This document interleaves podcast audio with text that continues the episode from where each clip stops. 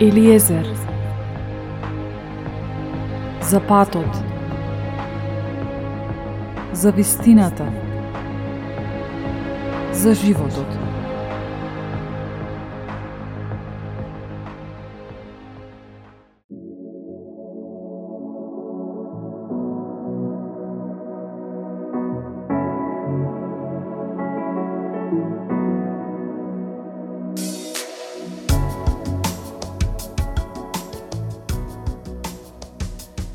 Седум нешта што треба да ги направиме. Седум нешта што треба да ги култивираме во нашиот живот ако се одлучиме дека го сакаме најдоброто од небесниот татко.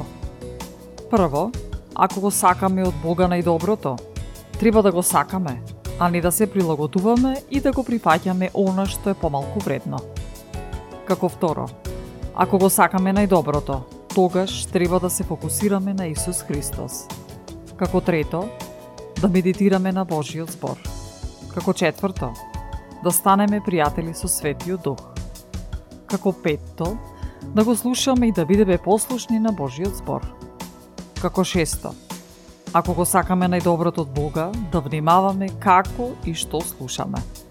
И седмо, ако го сакаме најдоброто, да обрнеме повеќе внимание на оно што е вечно, отколку на оно што е привремено да бидеме сигурни дека приоритетите ни се правилни и вистински.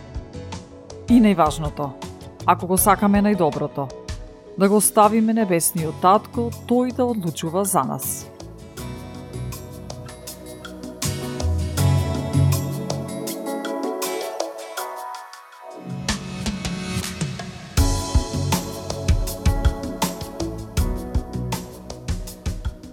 Во Јован 3.27, Јован Крстител изјави Не може човек ништо да прими ако не му е дадено од небото. Постои разлика помеѓу земање и примање. Многу луѓе земаат, грабаат се што можат да земат. Многу пати тоа го прават грубо, безчувствително, неетички, се само да земат повеќе. Се што се зема на тој начин не трае долго. Единственото нешто што ќе го задржеме е она што е дадено од небесата, од небесниот татко. Што ме така, зошто тогаш би се мачеле толку да земеме нешто и тоа да го зачуваме, а нема да не биде дозволено да го зачуваме? Зошто не се одмориме и да се свртиме кон Бога и да го запрашаме? Татко, покажи ми Што сакаш да ми дадеш?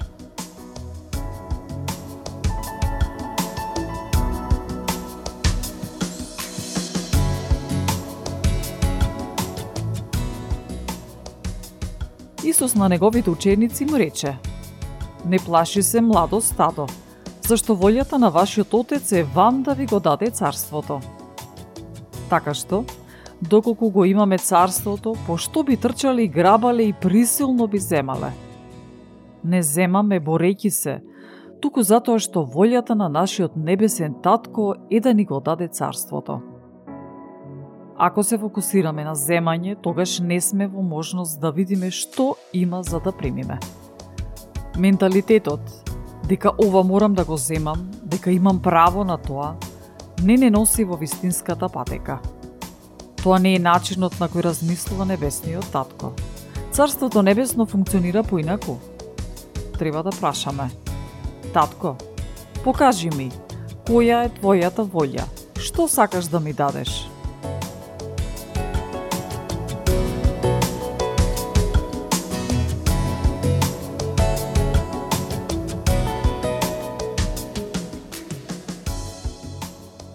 Ова е единственото што е важно – Тоа е единственото нешто што е трајно. Во Псалм 47 пишува Зашто тоа е Господ, севишен, страшен, велик цар на целата земја. Народите ни ги покори, ги стави народите под нашите нозе, ни го избра наследството. Небесниот татко, ќе ни го избере најдоброто, подобро отколку ние што мислиме дека можеме да одбереме. Тој знае што е најдоброто за нас.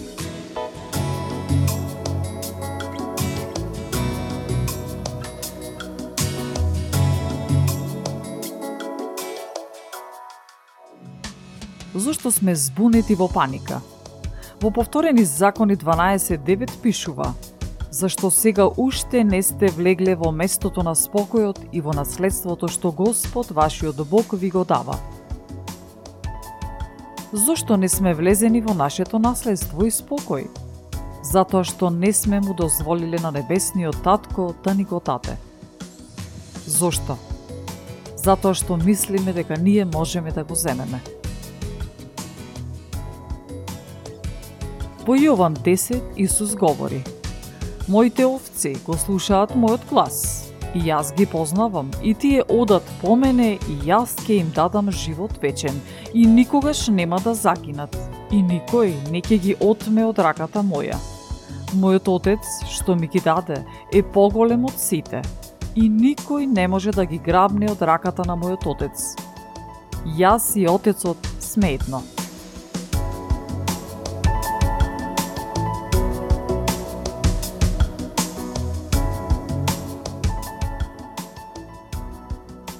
Најголемото и најзначајното нешто во универзумот е тоа што Бог го има дадено.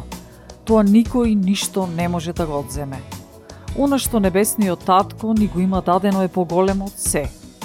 Нема потреба од страв, стрес и напнатост. Да ни стои на ум изјавата на Исус. Мојот отец, што ми ги даде, е поголем од сите и никој не може да ги грабне од раката на мојот отец. Јас и отецот сме едно тоа е гаранција. Во тоа се состои нашата увереност, спокој и мир. Во Евангелие според Матеј 5.5 Исус говори Блажени се кротките, зашто тие ќе наследат земјата.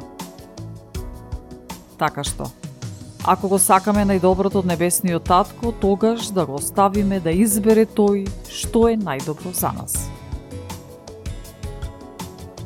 Дали сме подготвени да го оставиме небесниот татко да избира за нас.